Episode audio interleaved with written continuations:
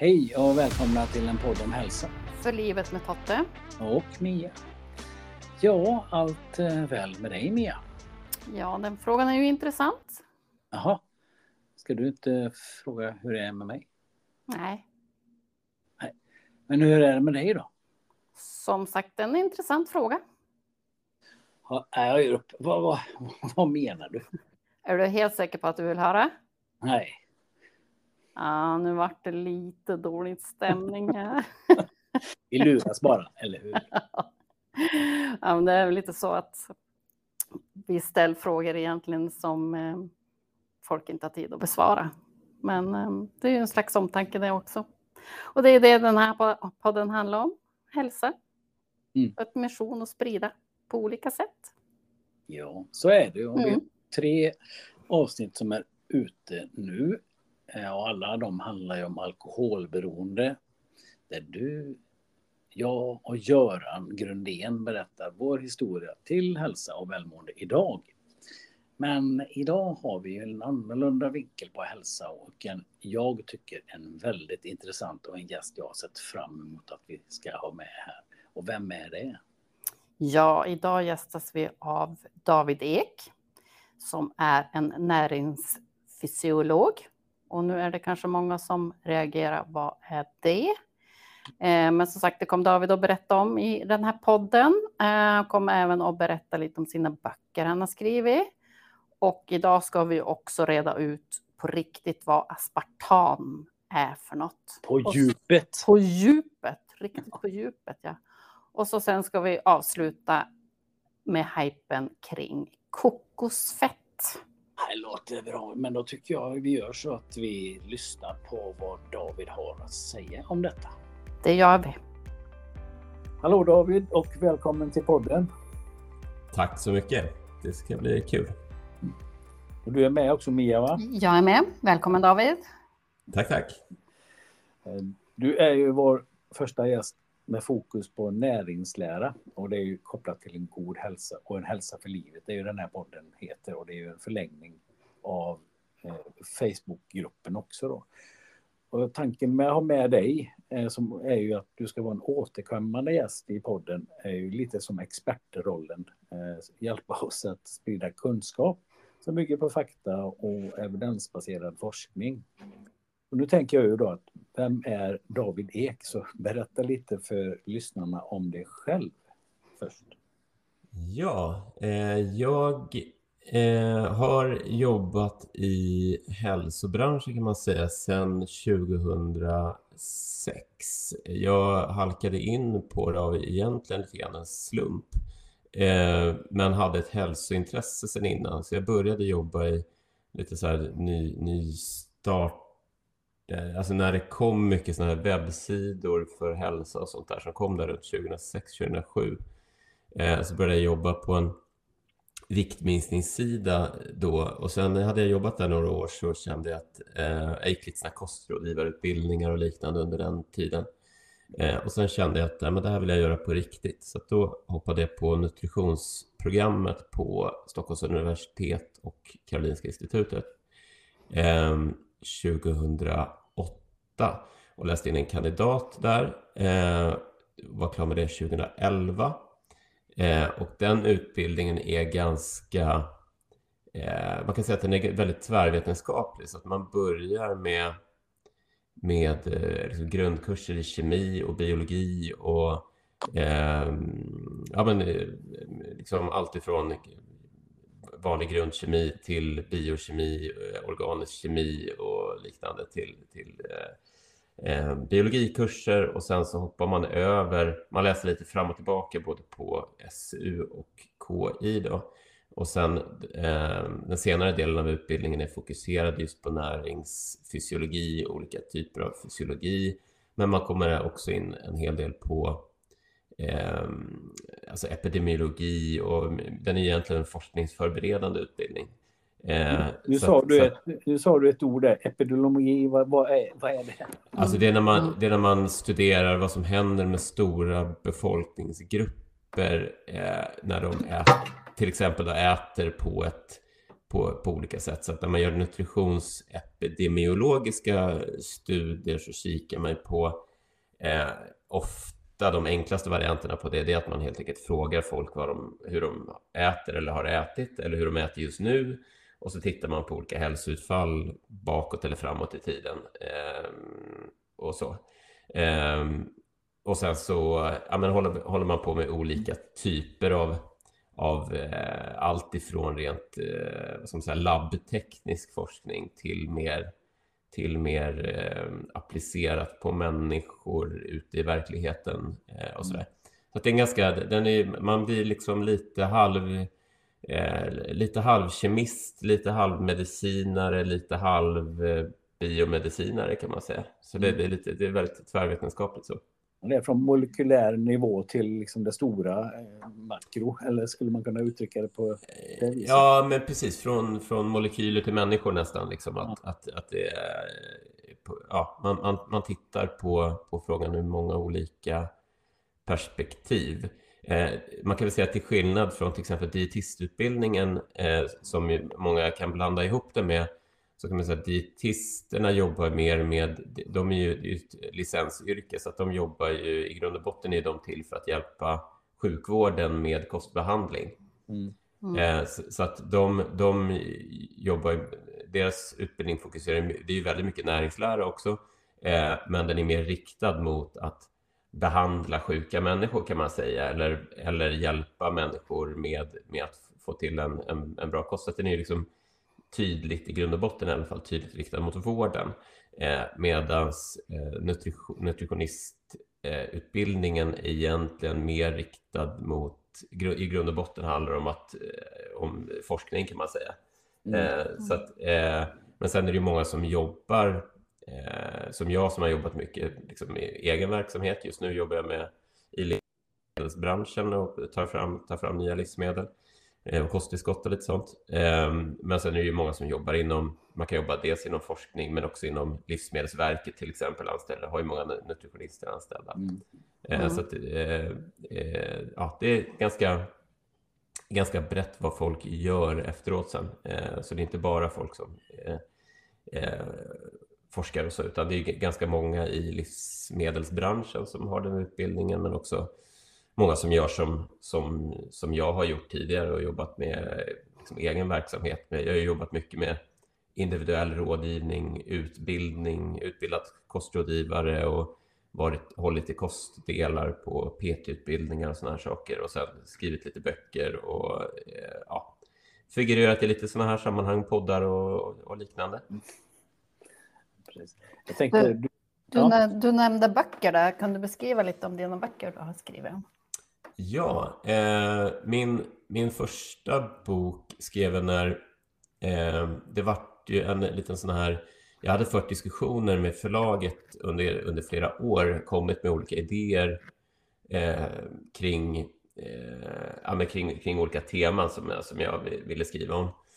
Eh, eh, och det var Bonnier som jag, skrev, jag har skrivit mina böcker med. Eh, och så var jag väl så här snubbla på målsnöret med flera idéer. Och sen så kom de faktiskt till mig där runt 2015. För det var en himla boom då med det här med eh, tarmhälsa och så. Det kom mycket så forskning kring det här med tarmbakterier och så. Och så kommer den här tyska boken Charmen med tarmen. Mm. Mm. om det kommer en tysk läkare som, som skrev den som, som, som beskrev mag-tarmsystemet. Och då kom de och sa, kan inte du skriva någonting på det här temat? Och jag hade hållit på lite med, när jag pluggade så, så skrev jag uppsats kring, kring eh, tarmbakterier och, och allergiutveckling hos barn faktiskt. Um, men hade inte hållit på med det så mycket. Så att den, det var en ganska kul process där jag, där jag liksom dök rätt in i, i aktuell forskning och lite skrev boken utefter vad jag hittade. Eh, och eh, ja, men försökte beskriva det landskapet just då. Eh, eh, jag skulle nog säga att det är mycket av det som, ju, som liksom forskningen pekade mot då som sen har visat sig stämma till viss del. Vissa grejer har fått revideras, andra grejer som verkade som att det skulle kunna vara så då mm. är inte så nu. Så att en del i den boken skulle, jag, skulle man få skriva om om man skulle liksom publicera den i, idag. Men den är ganska, också ganska grund, mycket grund med beskrivning av hur mag-tarmsystemet funkar, hur olika hormoner i mag-tarmsystemet frisätts och, och sådär. Så den, den, den håll, håller hyfsat ändå skulle jag säga. Jag tänkte just det med, det har ju varit en sån otrolig, man har ju dragit väldigt långtgående slutsatser och det har ju skrivits böcker av alla möjliga människor kring mm. tarmfloran och man drar väldigt stora växlar på det ena och det andra medan forskningen då enligt det är lite svajig, osäker och det finns inget inte så säkert i det. Uppfattar jag det rätt där? Ja, men man kan väl säga så här. Där i början så, så det var mycket som såg väldigt, väldigt lovande ut med de första studierna som kom just kring, kring hur man kunde påverka hälsan i stort genom att påverka tarmbakterierna. Mm. Eh, och och liksom nästa studier, som liksom uppföljande studier som kom verkade liksom visa på ännu mer av samma sak. Eh, så det verkade ju väldigt liksom hoppfullt. Där. Jag skulle säga att det fältet fortfarande är, är väldigt spännande. Eh, och jag tror att det, att det kommer, alltså att vi när, i takt med att vi lär oss mer kommer hitta väldigt mycket eh, liksom användbara saker från det. Men jag tror att det kommer behövas, eh, det är så otroligt komplext det där så att det, det är svårt att dra några enkla slutsatser. Jag tror jag pratar om det i boken också lite, just hur komplexiteten gör det svårt att dra några, några slutsatser. Men jag, jag tror ändå att man, man, skulle nog, man kan nog läsa boken fortfarande, för jag, jag hopp, tror och hoppas att jag ändå var hyfsad på att, på att säga när saker var osäkra mm. och, och vilka saker man mer kan säga att man vet och, och, och så. Eh, mm. Men, men ehm, eh, Eh, skulle man, man skulle nog få kanske eh, highlighta de där osäkerheterna ännu lite mer idag faktiskt än, än, än då. Det är väl lite grann så där som när någon är seriös i forskningen så är det det att å ena sidan och andra sidan det, det finns liksom inte, det behövs mer forskning är ju det klassiska som de flesta studier avslutas med. Ja, ja, jo, men mm. absolut. Sen finns det ju sannolikheter man jobbar med att det är sannolikt så. Ja, men precis. Ja, men det, det kom ju, det kom ju så intressanta grejer i början där, framförallt studier på, på, på försöksdjur och så, där man såg att man kunde liksom påverka hälsotillstånd så genom att donera tarmbakterier till, till andra, eh, andra liksom försöksdjur och att man liksom kunde lite grann mm. swappa hälsan, liksom, att man kunde ta en eh, bakterie från en överviktig mus och få, resultat, liksom, få resultatet att den smala musen som fick de där tarmbakterierna ganska snart blev överviktig och så. Mm. Eh, sen när man har upprepat de där försöken så, så verk, verkar det inte riktigt, eh, man får samma resultat längre. Och så är det ju ganska ofta att det kommer någon inledande liten studie som pekar åt något håll. Och sen när man följer upp det fler gånger så ser man att ah, men den där effekten verkar ha varit någon, någon bieffekt eller att det kanske är så hos möss men inte hos eh, andra eh, liksom, djur. Eller så, så att, Eh, mycket osäkerheter. Eh, mm. Och sen skrev jag min nästa bok som kom ut 2018 som är en eh, egentligen en ren idrottsnutritionsbok. Eh, så att liksom hur kolhydrater, fettprotein mer på skruv och mutternivå, hur man kan använda maten som ett redskap i sin träning för att... Vad heter den? Den heter Maten, ditt bästa träningsredskap. Eh, jag, jag, var inte helt nöjd med den. Jag bråkade med förlaget ganska länge om den titeln. Jag, jag, ville, ha en, jag ville ha en annan titel, men, men eh, de, de, eh, de stod på sig där. Det var inte, men, var inte så catchy. Nej, jag, alltså jag, jag, jag, ville, jag ville parafrasera för att första kapitlet i boken heter Äta för att vinna. Mm. och det är, en para, eller det är egentligen rakt av eh, första boken, jag, jag, skriver om det i boken också, att jag fick en bok av min gamla simtränare när jag, när jag var eh, så 15. Eh, med just den titeln, Äta för att vinna, som var eh, en bok om kost för att prestera bättre. Eh, och det var mycket den som liksom öppnade mitt intresse för den. Och den, jag tror att den var skriven på slutet på 70-talet eller någonting. Mm. Eh, liksom, eh, ja, men bra enkla råd och, och, och sådär. Men då, då vill jag liksom som en liten hommage till den boken ge den titeln. Men där, där var, där, jag, jag tyckte där var nog förlaget lite fega när de inte vill, att de, inte, att de ville ha någon lite snällare titel. Men jag, jag menade att det, det, ska ju vara lite, ska ju vara till de där nördarna som verkligen just tränar för att, för att liksom prestera bättre och vinna. Liksom. Eh, så, så jag, hade jag, jag hade nog kanske idag stått på mig lite mera i processen. Eh, och sen så eh, för ehm, eh, min sista bok kanske, men jag hade den sämsta tajmingen av, av alla, alla tre böckerna, för den kom ut precis när, i början, precis när pandemin eh, släppte lös och, och liksom alla, allt som handlade om hälsa handlade om, handlade om, om eh, coronaviruset. Ehm, men som heter eh, NER som är en eh, egentligen ren viktminskningsbok. Och där ville jag, jag hade liksom under ganska många år vänt mig mot det här eh, liksom enkla budskapen som liksom överförenklade så många, många så dietböcker som hade lite den här framtoningen av så här, gör bara så här så kommer allting lösa sig och här är nycklarna som är typ något nytt eller så här, eh, lite typ något, något, något gammalt hemligt som, som har varit bortglömt i massor med år som vi har återupptäckt och gör bara så här så löser sig allting. Kategoriskt.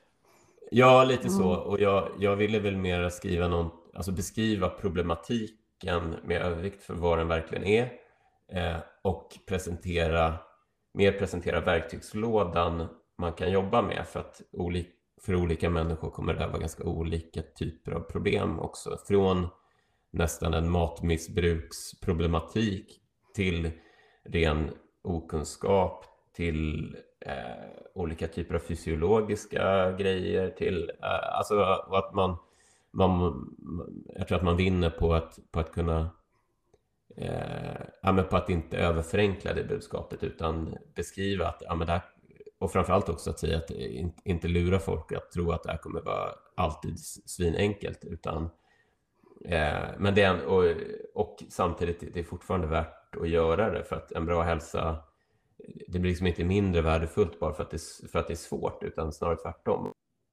Ofta är de, de svåra sakerna de, de, de som i slutändan är mest värdefulla. Eh, och där hade jag väl också vänt mig lite mot det där eh, Förenklingarna. Ja, och lite det här budskapet som kanske har kommit på senare år där eh, där så här, är det det minsta svårt så ska, måste, får man nog liksom låta bli det. Och det, det tycker jag det är liksom lika fel som att säga att det, att det är busenkelt. Att det, det, får, det, det gör ingenting att det är jobbigt. liksom. jag, har, jag har läst boken och det var ju några år sedan det var ju då eh, i pandemins början. Men den är ju väldigt pedagogisk och den är praktisk också. Mm. Eh, mm. Utan du kommer ju, du kommer ju med konkreta tips och, och förklarar hela grunden och problematiken. Så jag tycker den boken Ner heter den också sagt. Mm. Mm. Är, är väldigt bra för många eh, läsare. Befriande tycker jag den är också. Jag har faktiskt läst, läste in den också, eh, så att den finns som ljud, ja, ljudbok. Ja. Eh, Eh, jag, jag, vägrade låta någon annan läsa in den, så jag läste in den själv faktiskt. Jag vet inte om det var ett bra eller ett dåligt beslut, men, men jag, eh, jag, jag, gillar ofta själv att lyssna på böcker som, där folk själva läser in det de har eh, skrivit, så att jag propsade på det. Mm. Bra. Jag mm. tänker ju så här, det är intressant när jag lyssnar på det nu. Det finns ju så många tvärsäkra experter, influencers på nätet där påståenden med haglar åsikter presenteras som fakta. Ofta är det ju skrämselbudskap. Det handlar om förbjuda, exkludera olika livsmedel som är farliga för hälsan. Och en av de här orsakerna att vi har med dig är ju att vi vill skilja på det med åsikt och fakta. Eh, och jag upplever att det finns rätt stor förvirring idag hos människor när det gäller näringslära och kost och överhuvudtaget. Vad tänker du om allt det här? Eh, jo, eh, eh men så jag, jag tänker att jag tänker att som med mycket annat så är inte det så himla konstigt egentligen. Därför att om man inte håller på med det på heltid eller liksom har det som ett djupt intresse så, så eh, men alltså det påverkar en ändå. Eh, men man kanske har fått, hört något någonstans och så tänker man att det är nog, det är nog sant. Eh, att det, det är väl lite som Eh, det är väl lite som med, med liksom, eh, typ att försöka förstå Riksbankens beslut och sånt där. Är man inte ekonom så är det jättesvårt, men man har ändå någon sorts vag uppfattning om, om vad, vad det är för någonting, men, men kanske inte riktigt. Liksom. Eh, så så, så jag, jag, tycker man kan vara ganska eh, man ska nog vara ganska, eh, ja men ändå förstående kring förvirringen, tänker jag. Mm. Eh, och det gör ju också att det blir desto viktigare för de som eh, verkligen ska vara eller utger sig för att vara experter, att inte bidra till mer förvirring och inte, inte liksom komma eh, hitta på saker, utan att man berättar vad man vet, man, man eh, berättar vad det är saker man kanske tycker och, och, att man är tydlig med vad som är rena spekulationer och vad som är någon sorts kanske någon sorts eh, politiskt eller etiskt eller något annat ställningstagande med. Liksom. Jag tänker att eh, idag har vi ju ett ämne, vi har inte ens kommit in på det vi ska prata om idag. Eh, men, men, vi har ett ämne som skrämmer, åtminstone är min upplevelse och även Mias upplevelse. Ett, eh, och det kan jag räkna med att jag nämner det här ordet så, så har ju många en bestämd uppfattning om detta. Vad är, vad är det för ämne vi ska prata om idag? Ja, vi, vi, pratade om aspartam, va? Ja. att vi skulle, mm. precis. Då tänkte jag, kan du beskriva lite David, vad är egentligen aspartam? Eh, ja, aspartam är ju ett, det beror på, på hur, vilken vinkel man tar på det, men, men det är ju ett, ett sötningsmedel som är otroligt starkt, det är flera hundra gånger sötare än, än socker, så att på, på en, en viss för, för, att få ut en viss sötma så behöver man använda väldigt, väldigt lite av det i en, i en produkt. Rent kemiskt så är det uppbyggt av i grund och botten två olika aminosyror, eh, asparginsyra och ehm, eh, fenylalanin. Mm. Eh, som är två, ja men, eh, för de som, för de som är hälsonördar så, så är, är det här med vad aminosyror är, är inga konstigheter, men man kan säga att det är ju egentligen byggstenarna till proteiner kan man säga. Så att mm. de här ämnena finns ju i, egentligen i som innehåller proteiner i någon form kommer innehålla en del av de här eh, aminosyrorna i, i, ja, i olika mängd beroende på vad det är för någonting.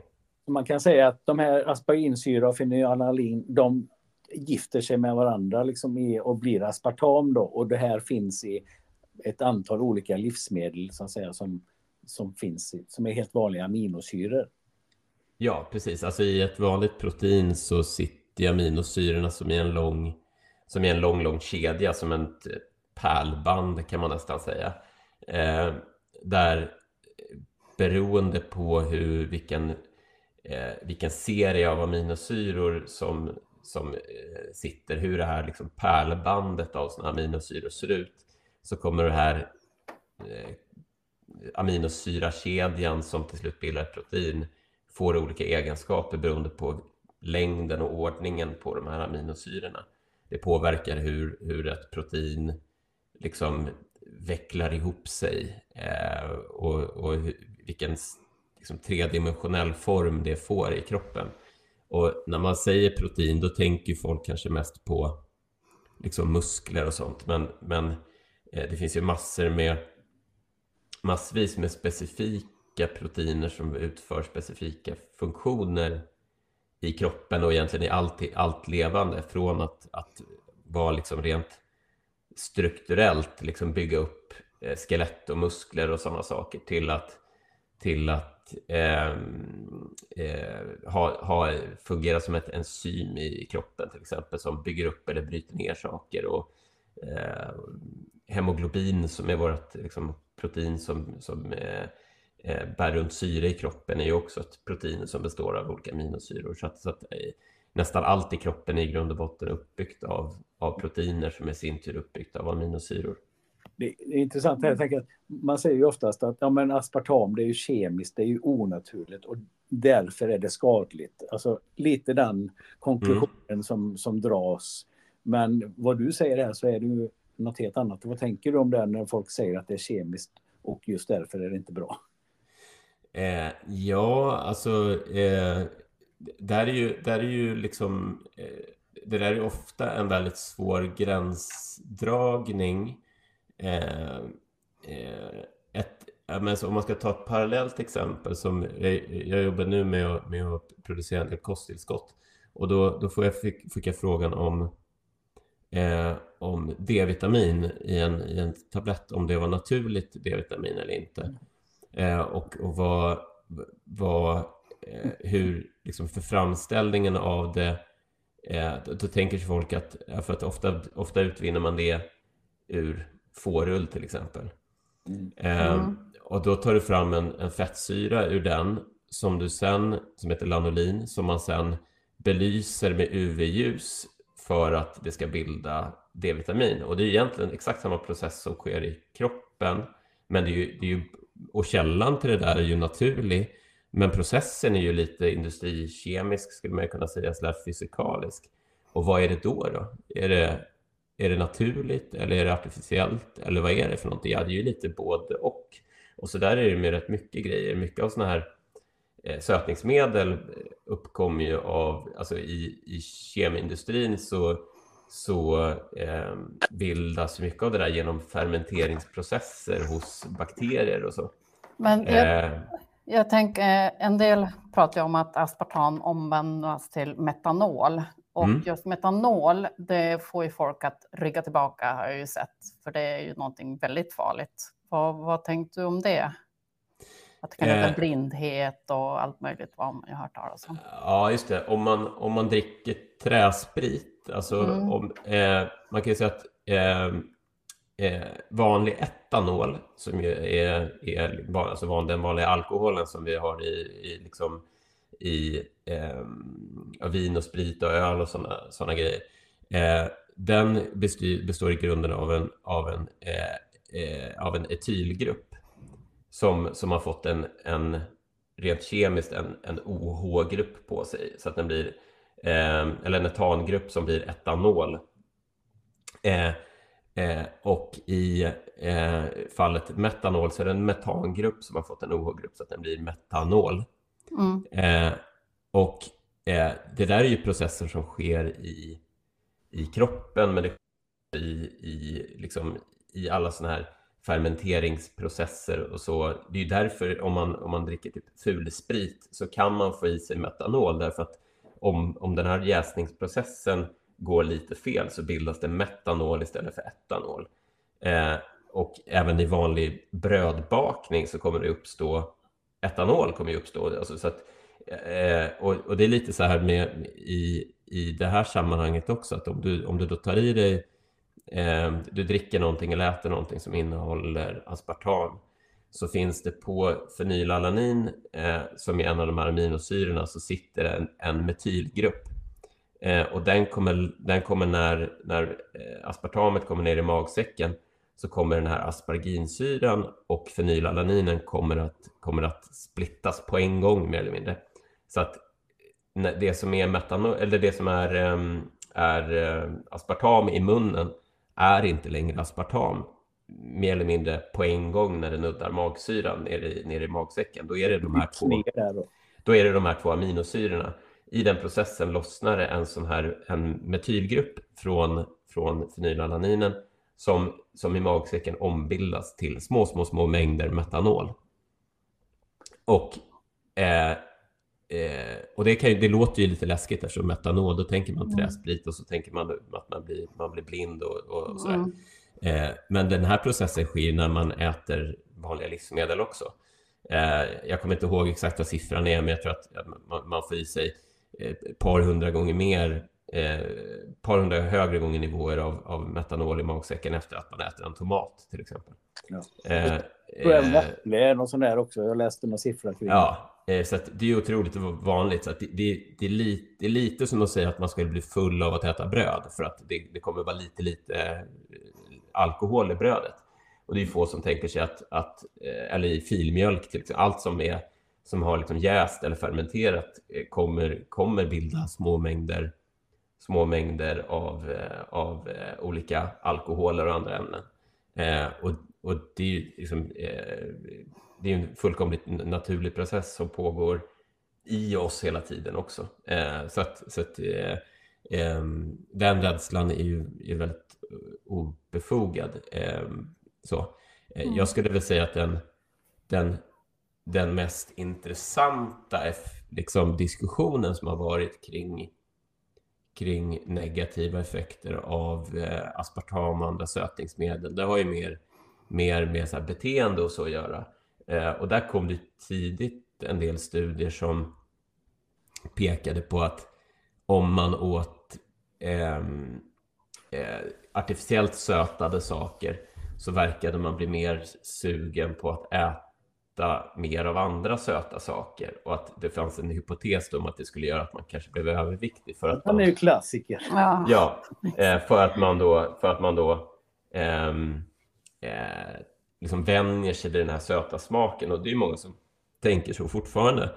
Eh, och, och jag skulle kanske inte stänga dörren helt för det resonemanget.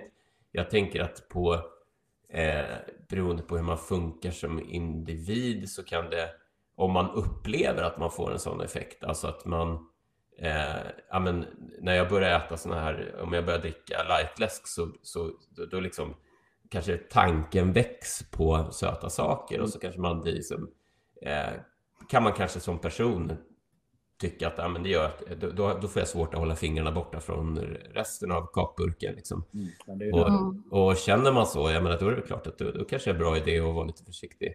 Men det finns, ingen, det finns ingen anledning att tro att det skulle vara så överlag. Om någonting nästan tvärtom faktiskt. Ja, och jag har ju också tagit och, och studier som visar att det finns inte någon bevisad effekt av att det är så. Utan det är, subjektiva upplevelser finns ju där hos olika individer. Och tycker man och tänker så, så ja men låt bli det då. Ja, och där, ska man ju Mm. alltid, där får man alltid ta höjd för att, att eh, när man gör en studie så tittar man ju alltid på vad blir effekten i genomsnitt. Ja. Eh, och i, i, i ett sådant studieunderlag så, så finns det ju ofta, om man tittar på, på liksom den- den, om man plottar en graf på liksom, hur blir det med, med, med alla individer som, som, som ja, men i det här fallet då kanske dricker lightläsk säger vi. Tenderar de att vilja äta mer av annat eller inte? Och, och det kommer ju inte vara så att alla personer hamnar på precis samma liksom längs den här, längs den här dosresponsskalan, liksom, skalan, utan det kommer ju vara någon som kanske börjar äta mindre av annat för att de dricker den här läsken. Andra som det inte har någon effekt alls och så är det ytterligare några som kanske börjar äta mycket mer på grund av det. Så man kan, man kan nog tänka sig att man att det finns ett, eh, ett continuum där, liksom att, att eh, det, eh, det kanske kan ha en sån effekt, men troligen inte och kanske till och med en positiv effekt. Så att där- man ska nog även där vara liksom, även utifrån olika studieresultat undvika att vara tvärsäker åt något håll egentligen, utan tänka att eh, på, på personnivå så kan man alltid liksom ja, prova sig fram och så. Men, men, men å andra sidan så tror jag också att, att eh, bara, bara tron på att det kan ha en negativ effekt kan man ju nästan eh, kan ju, ha, kan ju få den effekten för att man, man får liksom som någon sorts omvänd placeboeffekt eller alltså noceboeffekt. Att, Nocebo, ja. att, Mm, att, att mm. man, att man eh, om man tror att eh, lightläsk kommer få en mer sugen på annat så, så kan man ju nästan lita på att det kommer få det för att då, då, då kommer man gå och vänta sen. Men nu, nu blev jag nog lite sugen på en kaka. Liksom. Mm. Eh, och det var nog den här lightläsken. Eh, så att jag, jag tror att det är fortfarande är bra att, att, att liksom eh, veta att för de allra, allra flesta så kommer det inte ha någon effekt alls. Eh, för vissa kommer det, kommer det eh, göra att man kanske känner sig nöjd och nu har jag fått lite sött eh, och vill inte ha mer. Och för ytterligare några andra så kanske det innebär att, eh, att de blir triggade och vill ha mer. Liksom. Men troligtvis kommer det inte ha någon effekt alls. Om vi bara lite snabbt summerar nu, för nu har vi pratat på en stund där, så tänker jag, vi börjar ju med det här med naturligt, onaturligt och kemiskt. Mm. Och det jag tänker att vi har kommit fram till nu utifrån vad du säger är ju att det finns ju ingenting onaturligt i att det är ju van, två helt vanliga aminosyror som finns i våra livsmedel vi äter dagligdags. Det ombildas sen till metanol som också finns i, i större utsträckning till och med i ett äpple eller tomat som du sa då. Mm. Är det rätt uppfattat så att vi... Ja, men ungefär så kan man väl säga. Jag, jag, jag tycker väl, jag tycker väl att, att, att man, kan, eh, man kan ta bort det här, det här perspektivet naturligt, onaturligt. Det, det är lite som att, alltså det är en beskrivning som ibland kan ha sin plats. Eh, för att liksom, men, men det är lite som att säga grön eller, eller, eller stor eller liten. Att det, det, är bara en, det är bara en label man, man sätter på saker. Det, ibland kan det vara användbart att kunna säga att eh, det, det, har en, det, det har naturligt ursprung eller någonting. Eh, men, men allt som ofta, det, det, säger egentligen ingenting om det är bra eller inte. Jag menar, eh, skallrormsgift är jättenaturligt, men det, det är inte så jättenyttigt. Liksom. Flugsvart brukar jag ta som exempel. ja. Eh, vi har ju lite mer saker kring aspartam. Där. Känner du att du, eh, var, du var färdig där med den här biten? Eh, ja, men, men eh, fråga på du. Så... Ja. Nej, men jag tänker, alltså, hjärntumörer, man får mm. cancer.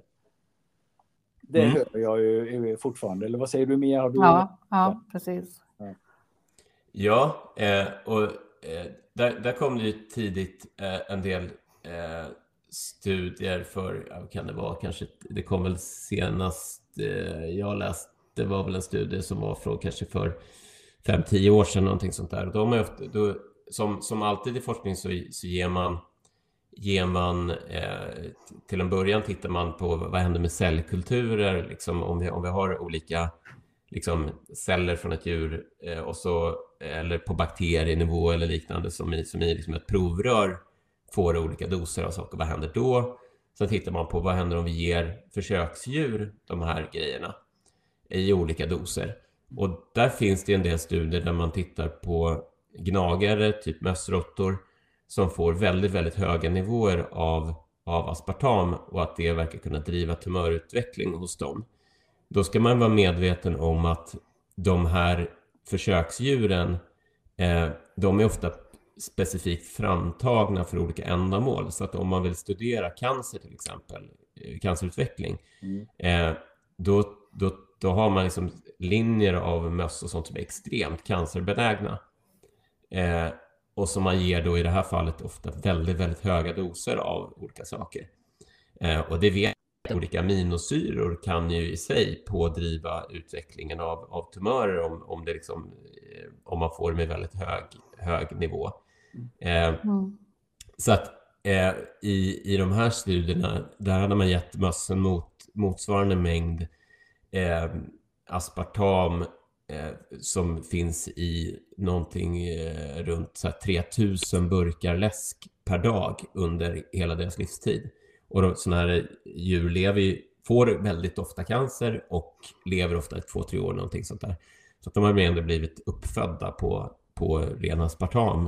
Eh, det är sådana otroliga mängder eh, de, har, de har fått i sig. Eh, och det jag tycker det någonstans illustrerar, det är ju snarare det här med att eh, eh, den gamla devisen att allt är ett gift och inget är ett gift. Eh, det, det, är bara en fråga om dosen. Ja.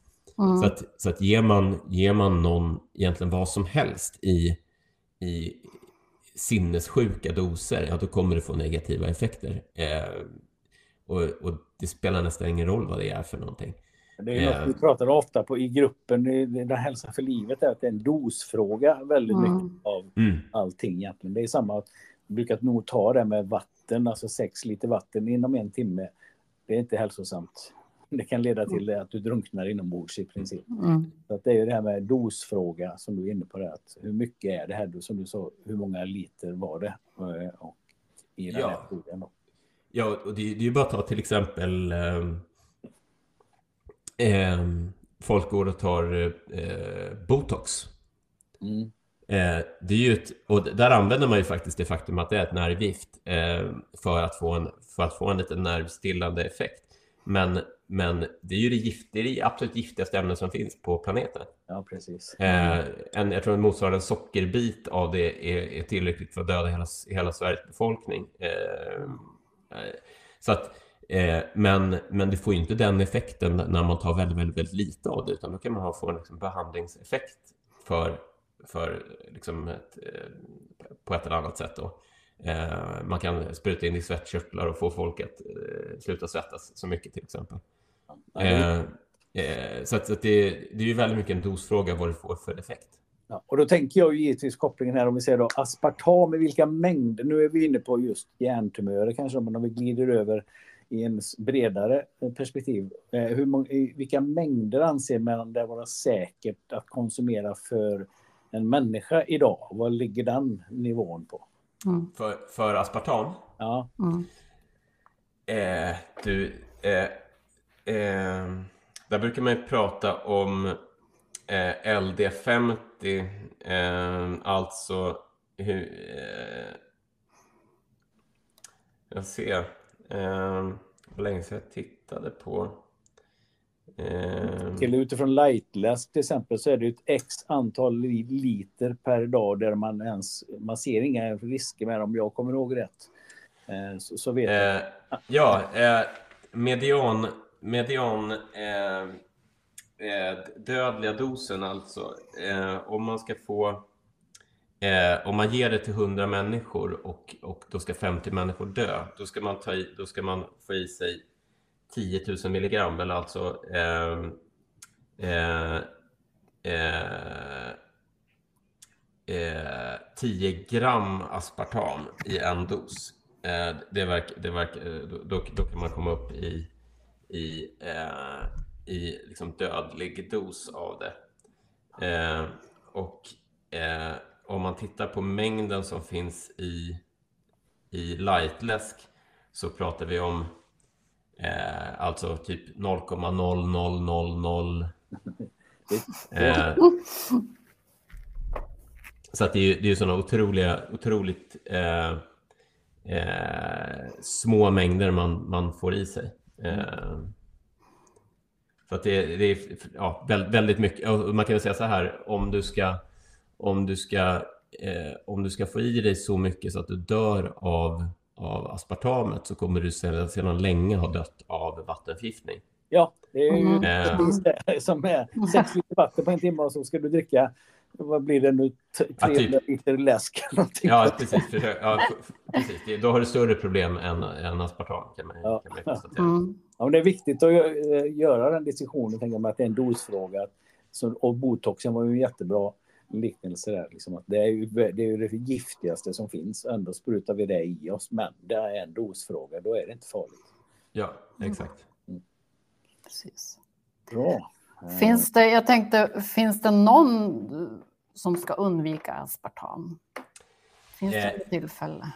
Ja, det finns ett, ett, ett ovanligt eh, sjukdomstillstånd som kallas fenylketonuri. Eh, och det innebär att, att just fenylalanin, eh, den aminosyran har man väldigt svårt att metabolisera och det kan, det kan eh, vara faktiskt dödligt om man får i sig för mycket av det.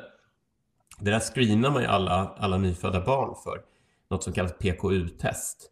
Mm. Eh, så det är därför alla ny, nyfödda barn, bland annat därför som de, som de får ett litet stick i fingret eh, när de är någon dag gammal och så tar man blodprov och så screenar man alla för det här, bland annat det här tillståndet då. Eh, och därför ska det stå på produkter som innehåller eh, aspartam så ska det stå innehåller en fenylalaninkälla. Och det har ju att göra med då att, att just när, när det kommer ner i magsäcken så bryts det ner och så får man, får man eh, släppt det fri lite fenylalanin. Och för personer som då har det här metabola tillståndet där de ska undvika fenylalanin, eh, Eh, eh, då, eh, då ska man undvika egentligen alla källor till fenyl. Det är ju ett otroligt ovanligt tillstånd och det är ett väldigt, väldigt, väldigt kontrollerat liv man måste leva för att det är svårt att äta äta egentligen någonting eh, som innehåller vanliga proteiner. För att all, allt som innehåller proteiner innehåller ju... Ja, det var det eh, jag mindre. tänkte. Att fenylalanin, mm. den, den finns ju i, i, kyckling och ägg och allt. Ja, alltså, ja. Så att det, det, det den här personen undvika nästan det mesta. Ja, man får då gå på en väldigt speciell diet kan man säga för att, för att eh, kunna, kunna, le, alltså, kunna överleva helt enkelt. Ja. Eh, så att, eh, eh, ja, men extremt, extremt, extremt få personer jag vet inte hur vanligt fenylketonuri är, det kan vi kanske googla, men... Eh... Ja. Eh... Jag tänker på det med aspartam, man pratar ju om att det har också... Det kan... Aj, eh, ja. eh, ungefär fem barn per år föds med fenylketonuri. Eh, I Sverige? Ja, i Sverige. Ja. Mm. Så det är fem, ungefär, motsvarande ungefär, det brukar födas ungefär 100 000 barn per år. Så att, eh, fem personer på 100 000 invånare. Okej. Mm. Um, så att det, är, det är ju inte, det är inte unheard of, men det är, det är inte vanligt heller. Liksom. Det finns ju någon till här, man, man säger att inte aspartamet bryts ner, men det har du redan sagt egentligen. Men det är liksom en myt att det fastnar i kroppen och lagras. Ja, det, och det är ju verkligen precis tvärtom. Det, det, ja. det, det bryts ner otroligt fort. Eh, det, det, vi, vi pratar liksom tio, någon, någon sekund så är i princip allting borta. Och ändå har den eh, på något sätt, det verkar vara rätt vanligt när man hör liksom att ja, det fastnar i kroppen. Men man kanske också blandar ihop det med andra typer av sötningsmedel, jag vet inte. Eh, nu är vi inne på just aspartam, för det är ett paraply med sötningsmedel och idag mm. fokuserar vi på just aspartam. Då. Mm. Är det något annat som eh, aspartamer kan eh, påverka? Jag tänker på det du var lite inne på innan, mikrobiotan där. Är det, kan det vara, har man sett någonting där? Eh, ja, alltså just på aspartam skulle jag nog säga att det är ganska osannolikt att det skulle kunna påverka åtminstone de bakterier som finns i magtarmsystemet. Alltså längre ner i typ tjocktarmen där de flesta av våra bakterier eh, är. Mm. Eh, sen har vi ju bakterier även i munhålan och till, till och med i magsäcken är det vissa typer av bakterier som lever. Eh, jag har inte sett några studier som, som visar att det skulle ha någon, någon effekt alls på det. Men, men det, ja, eh, det, det, skulle det ju rent teoretiskt eventuellt kunna ha, men jag ser det som ganska osannolikt. Eh, att det skulle kunna påverka eh, bakterier i tjocktarmen är, är väldigt osannolikt eftersom när eh, aspartamet då har brutits ner i magsäcken så går ju de här aminosyrorna vidare ner till till tunntarmen och i tunntarmen tas ju alla aminosyror väldigt effektivt upp. I och med att de här är liksom färdignedbrutna till, till enklaste form så kommer de tas upp i blodet och, och, och som alla andra aminosyror i maten eh, sen liksom gå till olika ställen i kroppen och eh, bygga upp de protein som kroppen behöver bygga. Eh, så att eh, extremt lite av, av det som finns i, i aspartamet i, i den liksom mat eller läsk eller liknande vi äter kommer, kommer ens komma i närheten av tjocktarmen. Sen finns det ju förstås lite bakterier och så i, i, i tunntarmen, men, men just för aspartam så är det väldigt osannolikt. Eh, då finns det ju andra sötningsmedel, eh, typ de här sockeralkoholerna och Ehm, som man ofta har i mer fasta eh, eh liksom kalori, lågkalorilivsmedel, typ bars och sånt kan ofta innehålla eh, en del av de här sockeralkoholerna. Och då, då är det, eh, de är ofta ganska lika vanlig glukos i grunduppbyggnad och sen så har de fått en, en, liten, en eller flera OH-grupper, alltså alkoholgrupper på på sig. Eh, och de, de pass, eh, att, att de inte ger några kalorier men söt smak, det är för att de är lite lika socker i, i strukturen så att de kan, de kan liksom binda till de här sötreceptorerna i munnen. Eh, men sen tas de inte upp i så stor utsträckning i tunntarmen och de kan inte förbrännas liksom som, eller byggas upp till, till fett eller andra saker i, i, i kroppen heller, utan eh, nästan allt passerar eh, tunntarmen och går vidare ner till tjocktarmen och där har vi bakterier som kan bryta ner dem där. Eh, och där kan det ju, framförallt för de som har någon typ av IBS eller liknande, mm. Mm. eller om man, eller om man eh, som jag en gång i tiden jobbade på ett ställe där vi fick massa prover på sådana där bars. Om man råkar överkonsumera dem, då, då kan man ju känna av det att, att för mycket av de här sockeralkoholerna kan göra att man blir ganska upprörd i tarmen. Eh, och det har ju att göra med att, att det, liksom, bakterierna börjar bilda en massa gaser och, och sådär av när, när de bryter ner de där sockeralkoholerna. Eh, och där skulle man möjligen kunna då tänka sig att om, om man skulle äta jättemycket av det eh, så kanske man kan påverka sammansättningen av bakterier i tarmen och hur de hur de mår och att det skulle kunna ha negativa effekter på hälsan, det är ju liksom inte, inte eh, teoretiskt otänkbart i alla fall. Utan det, det, det men återigen, ja. en dosfråga här också. Tänker jag, för vem har Ja, inte ja. blivit kass i kistan när man har käkat för mycket tuggummi? Mm. Lite Nej, nej, visst. så här. Så att, Ja, nej men precis. Eh, så, så är det ju. Eh, definitivt. Eh, så att... eh, och det, och det, är ju, det är ju sant för många andra livsmedel också. Eh, liksom äter man för mycket eh, av andra typer, äter du liksom ett halvt kilo torkade aprikoser så kommer du nog också må ganska risigt i, i magen efter det. Eh, så att eh, det är ju, eh, ja, som är, som är allt annat en, en dosfråga. precis. Mm. Ja, eh, jag tänker den här, när vi börjar ju med det här med skräcken för aspartam. Vad, Mm. vad, vad tror du, varför har det fått den här stämpeln hos så många idag att det är farligt? Ja, men jag, tror att det är... ehm, det finns, upplever jag, en... En, eh, eh, en, en väldig skepsis mot saker som, som liksom verk, verkar för bra för att vara sanna. Liksom. Att, att, eh, som i, i det här fallet, då, att du skulle kunna få sötsmak utan att det har någon, någon liksom, egentligen någon negativ effekt, vilket faktiskt verkar vara, vara sanningen när det gäller just aspartam. Det verkar inte ha några påtagliga negativa Det är effekter. lite, magiskt. Det kan inte Ja, lite, lite så. Det, det är lite som eh, upplevde, jag har inget stöd för det här, men jag upplever att det, det är lite som, som skräcken för mikrovågsugnar. Ja, just det.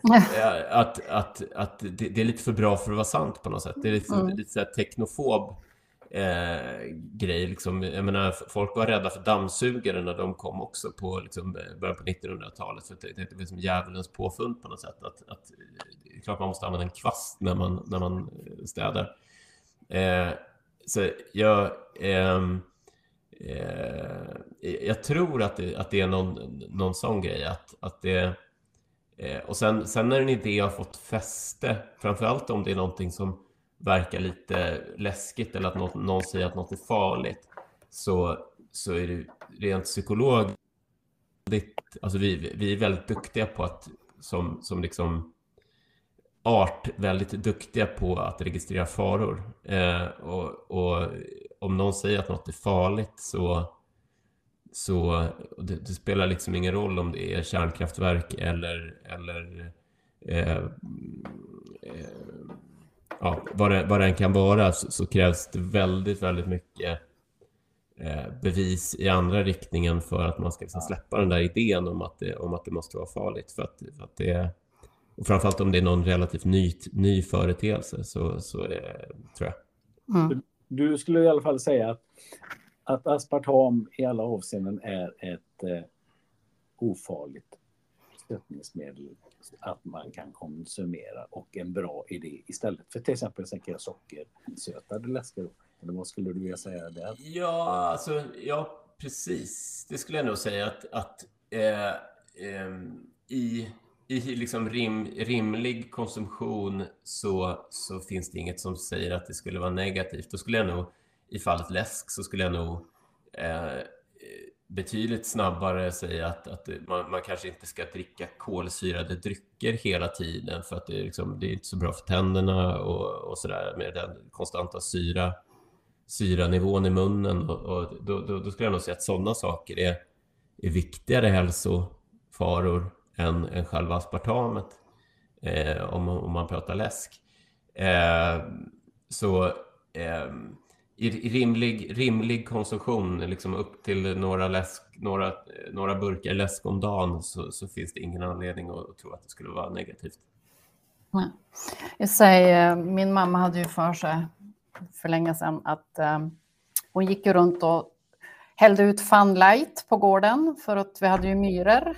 Och hon Mm. fick ju för sig då att de här myrorna skulle dö av det här. Mm. Vad säger du om det? Eh, Jag tror att din mammas myrproblem fick tas om hand på annat sätt. Ja. ja. Ja, jag, jag gjorde faktiskt något sånt test själv. Jag hade, hade någon my- myrinfektion liksom he- hemma och testade hälla ut eh, liksom olika former av, av sötningsmedel på marken. Eh, och, och myrorna ignorerade det eller drack av det eller liksom... Eh, eh och det, spel, det var liksom ungefär som om jag hällde ut vatten. Liksom. Eh, så var det någon som gick fram och drack av det också och, eller totalt ignorerade det. Eh, så, att det skulle fungera som någon sorts ohyrerensare är, är extremt osannolikt. Eh, eh, sen kan man ju tänka sig att, att det kanske finns något, några, något djur som är jättekänsligt för höga nivåer av någon viss aminosyra. Det, då kanske det skulle kunna liksom, eh, funka. Men, men eh, eh jag har inte sett, inte sett något stöd för det. Nej, det är ju en klassisk myt. Jag vet att Jakob Gudiolov har skrivit någon artikel om den en gång i tiden. Just mm. det med dör myror och aspartam. Och det. De drunknar väl möjligtvis. Exakt. ja. ja, precis. Eh, mm. Exakt. Blir, blir, blir dy, dyrt vatten och Hellet Funlight i, i den mängden. Ja, det finns mycket just omkring aspartam och jag har ju tänkt ibland att det bara ordet i sig låter ju himla farligt. Mm. Men det är nästan så att det, eller så har det blivit det, eller så, så just aspartam, det låter ju kemiskt. Ja, det, det, det låter lite mm. som ett bekämpningsmedel. Eh, ja. Mm. Så att jag, mm. det, det, kanske har bidragit faktiskt, att, att det... Att det eh, det är ju många av de där som, som har lite sådana eh, sådana namn, så här Acesulfam K, liksom. det, det låter som typ eh, eh, Agent Orange eller någonting. Det, det, det, det, liksom, de, de låter, lite... De, de, de får kanske re, rebranda namnen lite grann. Ja, för det här är, det är så självklart för vissa man pratar om, men det är ju livsfarligt. Det är ju ett gift. Alltså. Mm. Mm. eh, och just det när man vet när du har förklarat här nu att det består av två helt vanliga aminosyror som man har i ett laboratorium eh, parat ihop helt enkelt och sen ombildat sig till metanol som finns i alla möjliga frukter framför allt och så vidare. Och så, vidare. så att det där med onaturligt och det är också ett helt ovidkommande begrepp egentligen. Vad är naturligt versus onaturligt? Som du var inne på det här lite mer filosofiska. Eh, vad, är, vad är det? Det finns väl ingenting som är onaturligt. Allting är ju... Det är ju inte någonting som är övernaturligt i alla fall. Nej, det, det, det är en inte, det är en inte, ja, det är, det är inte djupa, djupare diskussion. Kom in på den filosofin nu istället. ja, precis. Och, och där, där, där, finns det ju någon sorts, eh, om man ska, utan att gå för djupt, eh, så finns det ju någon sorts bild av att allting som, som vi människor gör är på något sätt in, inte naturligt. Och det, det, vi är väl också en del av naturen, tänker jag. Eh, djur, djur som alla andra. Liksom. Ja, det är som att baka bröd, då har man massa olika ingredienser i där och då blir det ju eh, onaturligt. Mm. Ja, ja, visst. Om man ska eh, dra det till sin spets. så fort det är behandlat på något sätt. Eller ja, visst. Vatten, i, vatten som rinner ur kranen, det är ju inte jättenaturligt. Det är ju... Det är många processer innan det kommer där. Mm. Ja, jag menar det. det borde, borde gå ner till bäcken och hämta vatten. Liksom. Ja. och äta lite flugsvamp på väg. Eller hur? Mm, men eh, jag tänker att vi börjar lite avrunda. Vi har ju ett ämne till och det kanske vi ska nämna något kort om. Vad säger du David, hinner vi med det? Vi, vi pratade om kokos eh, ja, också. Ja. Och det är liksom fortfarande, man, man hör ju det här liksom koko, det, det, är väldigt ofta jag läser och många har den uppfattningen, många av mina klienter. Men kokosfett och kokosolja det är ju den bästa oljan och det är nyttigt och det är vegetabiliskt och bla bla bla. Eh, Ja, så jag tänkte vi ska bara avrunda lite grann med vad har du för tankar kring kokosfett? Som, vad är det för typ av fett och varför har det fått den här hypen tror du? Ja, alltså, där, där kan man säga att där är nästan, nästan eh, liksom den omvända diskussionen mot, mot, eh, mot aspartam, att, att det är liksom precis tvärtom.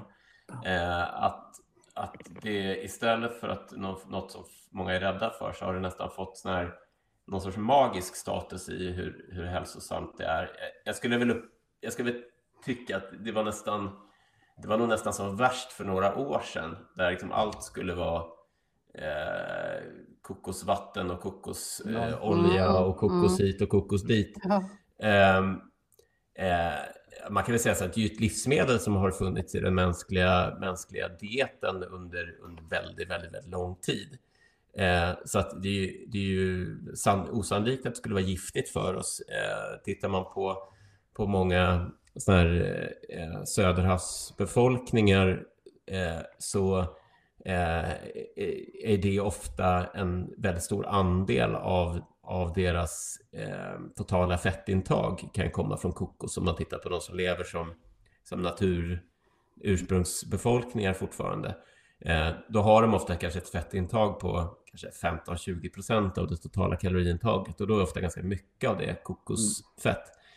Eh, så att det verkar eh, i rimlig mängd så är det nog inte särskilt farligt eller, eller eh, liksom eh, jättenegativt för hälsan heller. Eh, men eh, tittar man på vad det är så är det ju, består det till, till väldigt stor del av mättade fettsyror. Och anledningen till det, är ju för att den här kokosnöten ska kunna klara och ligga och guppa på världshaven i flera månader utan att härskna och bli dåligt. För mättade fetter är väldigt bra på att motstå härskning. Mm. Eh, så, att, så att för ett, för ett eh, frö som är, eller en liksom nöt som, som eh, kokosnöten liksom, är ju som ett frö för en ny kokospalm så är det en väldigt bra egenskap att ha, att vara, vara motståndskraftig mot, mot liksom, eh, härskning i ett varmt klimat. Eh, och eh, mycket av hypen tror jag kom när man såg de här effekterna av de här korta och medellånga fettsyrorna som kallas MCT-fett, som står för medium chained triglycerides. Eh, och Eh, i kokosfett så är det ungefär en, jag tror att det är 20-30 procent ungefär som är de här korta och medellånga fettsyrorna. Eh, och de har lite speciella effekter i kroppen. För normalt när man äter fett som eh, fettsyror är, är som Ehm, eh, långa kolkedjor kan man säga. Så att det är kolatomer som sitter på, på rad. Eh, och beroende på hur lång den här kedjan är så får det lite olika egenskaper. Eh, och ju, ju, ju längre en sån fettkedja är, desto mindre löslig i vatten är den. Eh, och det innebär att de lite längre fettsyrorna som, som är det som egentligen nästan allt fett i maten består för att det ska kunna transporteras i blodet så måste det då, måste det då först packas in i något som kallas kilomikroner som är som fettproteinbollar kan man säga som har som där, man där kroppen tank, i tunntarmen tankar in fett i de här små, små fettproteinbollarna. Eh, och de, eh, så att de har liksom ett fett, en fettinsida kan man säga och sen har de ett proteinskal runt sig som är vattenlösligt. Så att då kan fett transporteras i blodet utan att bilda liksom fettbubblor, eller vad man ska säga. Eh, annars kan man ju tänka sig om, om, om man häller, typ som om man häller olja i pastavattnet så kommer ju oljan lägga sig ovanpå. Mm. Och det har ju att göra med att fett inte är vattenlösligt. Så att de flesta fetter för att de ska kunna transporteras ut till våra fettceller och lagras där, eller till våra muskler för att användas eller så, så måste de transporteras i speciella Eh, jag brukar för, för elever på kostrådgivarutbildningar lite, lite slarvigt kalla det för liksom fettbussen. Eh, att, att det, det är som en, en transportmolekyl som, som används för att, för att transportera runt fett. Skillnaden med de här korta fettsyrorna är att när de är väldigt, väldigt få kolatomer långa och är väldigt korta, då kan de transporteras i blod. Då är de ganska vattenlösliga. Så att de behöver inte transporteras eh, med de här transportsystemen utan de kan gå direkt ut i blodet, gå direkt till levern för att användas som energi där eller gå ut i muskler och förbrännas ganska snabbt. Och de kan också i kroppens olika vävnader passera ut väldigt snabbt eh, och användas ganska fort så att de kortaste fettsyrorna de får en, en förbränningstakt som är ganska, och ett upptag som är ganska likt kolhydrater faktiskt. Precis det jag tänkte, att det är ju långa och korta där med och det är ju snabb energi, kolhydrater och likadant med fett nu då, att ja. ju kortare kedjorna är desto snabbare energi, direktenergi kan vi använda då. Precis, att man, man har diskuterat sådana här kortkedjiga fetter faktiskt som, som energitillskott till idrottare. Eh, typ vid långdistansträning och sånt. För att man, tanken är att då, då skulle man kunna eh, få som en, en snabb energikälla men ganska koncentrerad för att det är fett som, som per, per gram innehåller lite mer energi eh, och att det skulle kunna liksom bidra och stö, understödja eh, prestation under, under lång tid. Eh, och det verkar funka ganska bra. Eh, man kan säga ungefär lika bra som kolhydrater. Eh, så, att, så att det verkar inte, det, det är liksom inte, inte bättre än kolhydrater, men eh, kanske ungefär lika bra. Eh, så att i, i de sammanhangen så, så finns det kanske ett användningsområde för det. Eh, och man kan också kanske säga att eh, fördelen ur ett att man, man ska kunna se en fördel med de fetterna ur ett hälsoperspektiv är att sannolikheten att de kommer gå ut i kroppen och lagras in i blodkärl och sånt är relativt liten därför att de kommer troligtvis ha använts upp ganska så snabbt. Mm. Eh, just, just de delarna av, av, av fettet. Men sen består majoriteten i kokosfett är ju inte de fettsyrorna. Nej, det är det jag tänkte. Att det är ju mättade fetter till 70-80 procent kanske då. Och sen är ja, de, de är lång... Alla, all, I princip allt fett är mättat eh, i en kokosnöt, men, men eh, sen har de olika liksom, längd på fettsyrorna. Då. Eh, så att eh, i grund och botten så har det en fettsyraprofil som är ganska lik smör.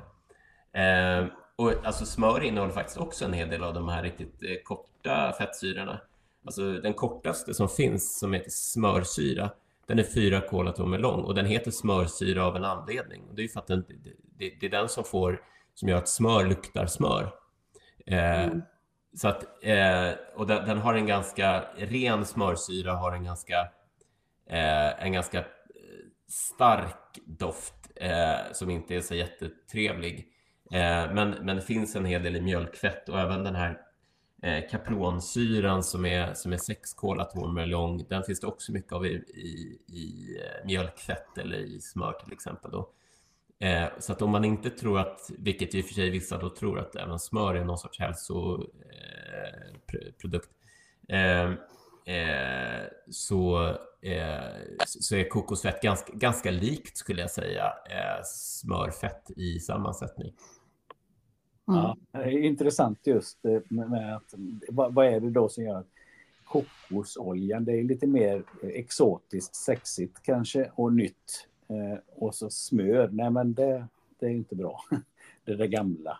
Och så kommer det nya och det är vegetabiliskt. Är det så man kanske tänker? Mm, ja, men kanske. Mm. Och, och eh, alltså, eh, det har, det, kan ju, det har ju ganska...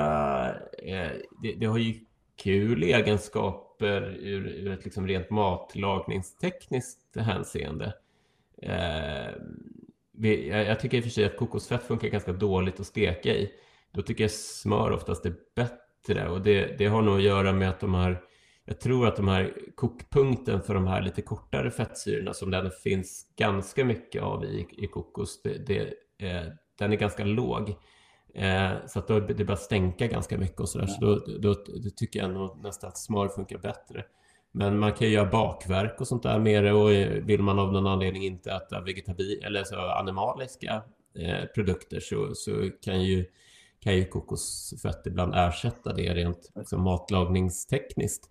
Så att det eh, eh, eh sen har det ju i, i andra sammanhang ibland så, så, har, så får det ju såna, får det liksom utmålas det ju som eh, både, både typ smör och kokos och sånt som att det är, som att det är liksom livsfarligt för att det innehåller mättat fett. Och det är ju, det är ju liksom, åt andra hållet lika fel. Liksom, för att eh, vi, så, länge man, så länge man är liksom eh, rör på sig hyfsat, inte väger för mycket, eh, sover ordentligt och inte dricker allt för mycket alkohol och inte röker så finns det ganska stor tolerans för att äta liksom lite vad som helst. Eh, så länge man liksom eh, har en bra variation och inte får näringsbrister och inte äter giftiga saker.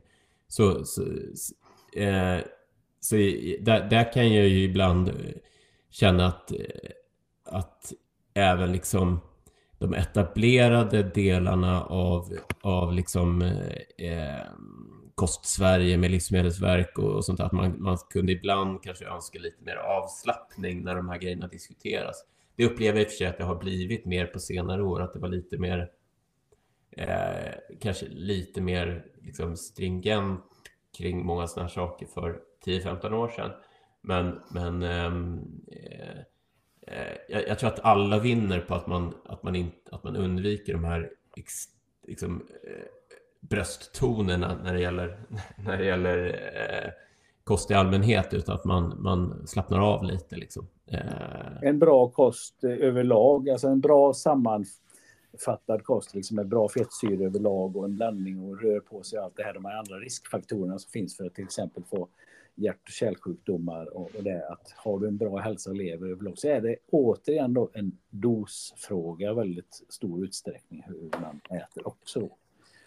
Ja, och, och lite liksom, vad, vad, är, vad är egentligen vad är, vad är liksom slutmålet? Att, är det att gå runt och vara nervös över allt man äter hela livet för att, för att, liksom, för att ha, ha en perfekt hälsa när man dör vid 93 års ålder? Eller, eller liksom, vad, vad, är, vad, är, vad, är, vad är målet? Liksom? Nu är vi inne på de viktigaste frågorna här. Men det är ju livskvalitet och ha någon slags eh, eh en livsstil som är tillåtande. Som jag brukar oftast kalla det för tillåtande. Då. allt är tillåtet ät allt men inte alltid, utan ha någon inkluderande syn och inte hålla på att förbjuda och, och farligstämpla för mycket. Utan som du säger, det, är liksom, ja, det finns risker här. Man, man, man, det ska vara någon slags sund inställning till kosten och livet. Eh, ja, och, och, lite så här, har du, grund, har du grundparametrarna på plats, ja eller nej? Är du, är du, är du liksom, tycker du att du i grund och botten lever hyfsat hälsosam. Eh, och om du ärligt ställer dig frågan, är det någonting som du har liksom problematik med? Om det, om det är liksom dina beteenden, lite som ni har pratat om mm. tidigare, vet jag, med mm. beroendeproblematik och sådana saker. Finns, finns det sådana riskfaktorer? Liksom? Eh, är, eh, väger du för, inte för mycket eller för lite? Eh, eh har du något annat typ av liksom, riskbeteende med rökning eller liknande? Eh, sover du bra? Eh, är du, trivs du på jobbet? Mm. Alltså det, är så, det, är så mång, det är så många liksom faktorer kring hälsa som är, som är intressanta. Men, men när det gäller just, när det gäller just eh, närings, närings så, eh, jag, jag, var nog lite mer idealist när jag liksom började i det här att man, man ska äta på ett visst sätt för att det ska, vara, för att det ska duga. Och sen med tiden så blir man nog lite mera, ja men å ena sidan och å andra sidan, hur ser, hur ser 90 hur ser 80-90 procent av dina måltider ut? Ja. är liksom det intressanta. Det är optinojan, alltså att vara mm. optimal hela tiden och mm. på varandra litet öre. Eh, och det blir väldigt eh, tvångsmässigt. Ja, det, där märker jag att att den nojan kan faktiskt ibland också skjuta folk i foten lite grann. Eh, även när, eh, som jag, jag, pratade i, igår med, med en bekant som, som liksom eh, eh, sa att han, han, han ja, men jag ska nog gå ner en 5-10 kilo och sådär.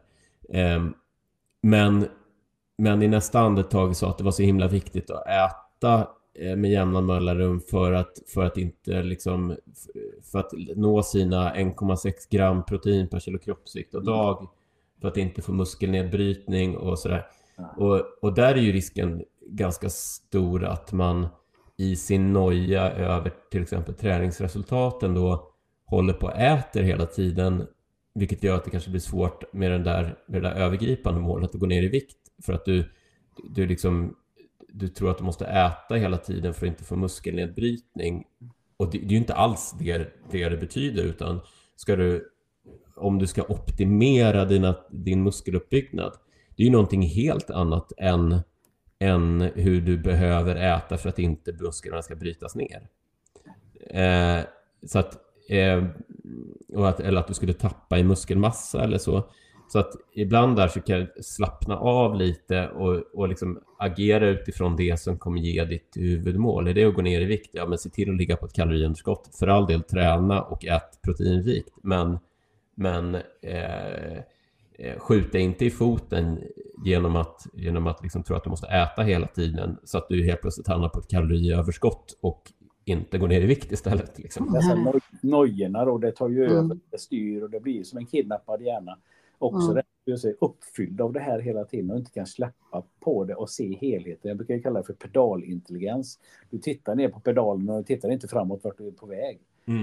Eh, och det är lite grann det jag upplever, i alla fall i träningsvärlden, där många när tränar, då är det, man räknar varje gram som säger med protein, men vad är målet, vad är syftet, vad är det här? Man ställer de här lite större frågorna då och ha ett bra liv.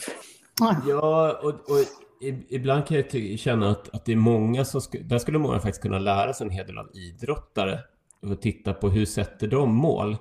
Eh, tittar man på... Ja, men jag, jag såg någon sån ganska skön meme häromdagen där det var så här, Usain Bolt hade sagt någonting med att jag, jag tränade i fyra år för att springa i nio sekunder. Mm. Eh, eh, och, och det ligger någonting i det att, att eh, liksom, idrottare, men de, de bygger upp, framförallt på, på liksom högsta nivå, de bygger upp sin träning i liksom, fyra års cykler. Hur, hur, länge, hur ofta har du, har du själv haft ett mål som ligger fyra år in i framtiden som gäller din träning och din hälsa? Många har något sånt här liksom, kvartalsrapports eh, liksom, tänk kring, kring det.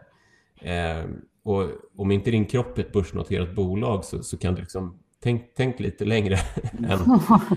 Det är kloka ord jag tänker just det med att det säger jag alltid till mina klienter, det här är ett livslångt projekt. Om du missar två träningspass den här veckan och du håller på i 20 år till att träna, vad är problemet? Nej, snarare Mm. hur, många, hur många träningspass kan du då få in kommande Ja, sex månader eller år? Liksom. Mm. Eh, hur ska du maximera det snarare än hur många träningspass kan du klämma in kommande fem dagar? Liksom? Mm. Så, Jag tänker David att vi börjar väl avrunda här Mia, eller vad säger du? Ja, jag tänkte bara tvärkolla med David. Har du någon ny bok på gång? Vad har du för projekt framöver? Eh, ja, nu, nu har jag ju liksom må, många andra järn i elden. Jag, hjärnan bubblar av idéer. Eh, jag, jag har, har ett, ett projekt som jag, skulle, som jag liksom håller på att fundera kring som, som är lite så här, em, faktiskt ett lite mathistoriskt eh, projekt som, som liksom är ganska långt ifrån det jag hållit på att skriva kring tidigare. Eh, eh, som, som jag kanske får anledning att återkomma till någon gång. Men, men eh, så där, där håller jag på att göra lite research faktiskt på, min, på mina lediga stunder. Eh, jag hoppas jag att jag ska kunna liksom ägna lite tid åt eh, kommande år kanske så. Då får vi snart reda på vad det är då kanske. Kanske, eventuellt. Mm. Ja, Mm. Intressant, eh, oerhört eh, mycket. Det blev långt. Vi sa ju det när vi pratade lite innan att det kan gå fort. Nej, Mm. det gjorde inte det. Precis. Men eh, otroligt intressant att ta del av all din kunskap kring det här. Så att jag tänker vi måste börja avrunda. Så Mm. Ja. Jag tackar så hemskt mycket för att du medverkade. ja, men tack själva. Tusen tack. Ja, Ha det gott. detsamma. Hej. Hej. Hej. Så där, då var fjärde avsnittet klart. Det som slår mig är Davids oerhörda kunskap. Från molekylär nivå mikro till att se hela människan makro. Min förhoppning är ju att den som någonsin då inbillat sig att aspartam är skadlig nu fått sig en dos av evidensbaserad kunskap som botar alla rädslor och subjektiva uppfattningar som jag tycker finns i omloppsbana kring det här ämnet aspartam. Det är två aminosyror som är sammansatta. Dessa aminosyror finns i vår dagliga kost och är inget onaturligt. Det är som David säger, hur naturligt är vårt kranvatten? Jag brukar ta flugsvamp. Eh, det är inte nyttigt att äta, väldigt naturligt om man nu vill gå på det spåret. Att det sedan bildas en liten mängd metanol när det når magsäcken tror jag det var så är många gånger mindre metanol som finns i till exempel tomat eller ett äpple. Över 40 års forskning om, finns om aspartam. Det är inte skadligt, det är inte onaturligt, det är inte ens övernaturligt. Möror, myror dör inte av det, vi får inte cancer. Men jag vet också att de som är känslomässigt övertygade om att aspartam är ett gift icke kommer att lyssna på forskning och vetenskap. Men för den som kanske varit lite osäker och tvekat har nog en del klarnat och en del tvivel skingrats. Sedan avslutade vi med hypen kring kokosfett och dess fettsammansättning som är väldigt likt vanligt smör. Och det finns inga magiska fördelar alls med kokosfett. Det finns heller inga större nackdelar med, jämfört med det här eller annat mättat fett, för det är mättat fett i den stora delen. Det är som jag ofta skriver i Facebookgruppen Hälsa för livet väldigt mycket en dosfråga när det gäller livsmedel att det inte finns några onda livsmedel i sig själv. David tar till exempel upp botox som ett exempel på dosfråga här. Vi dör av vattenförgiftning till exempel om vi dricker för mycket vatten under en given tidsperiod. Ja, nåväl, nu hoppas jag ni tyckte att det här avsnittet var värt att lyssna på och glöm inte att följa, dela, sprida podden så att vi når ut till fler med vårt budskap. Mm, det är snart dags att intervjua gäst nummer fem i ordningen. Ha det gott och en hälsa för livet.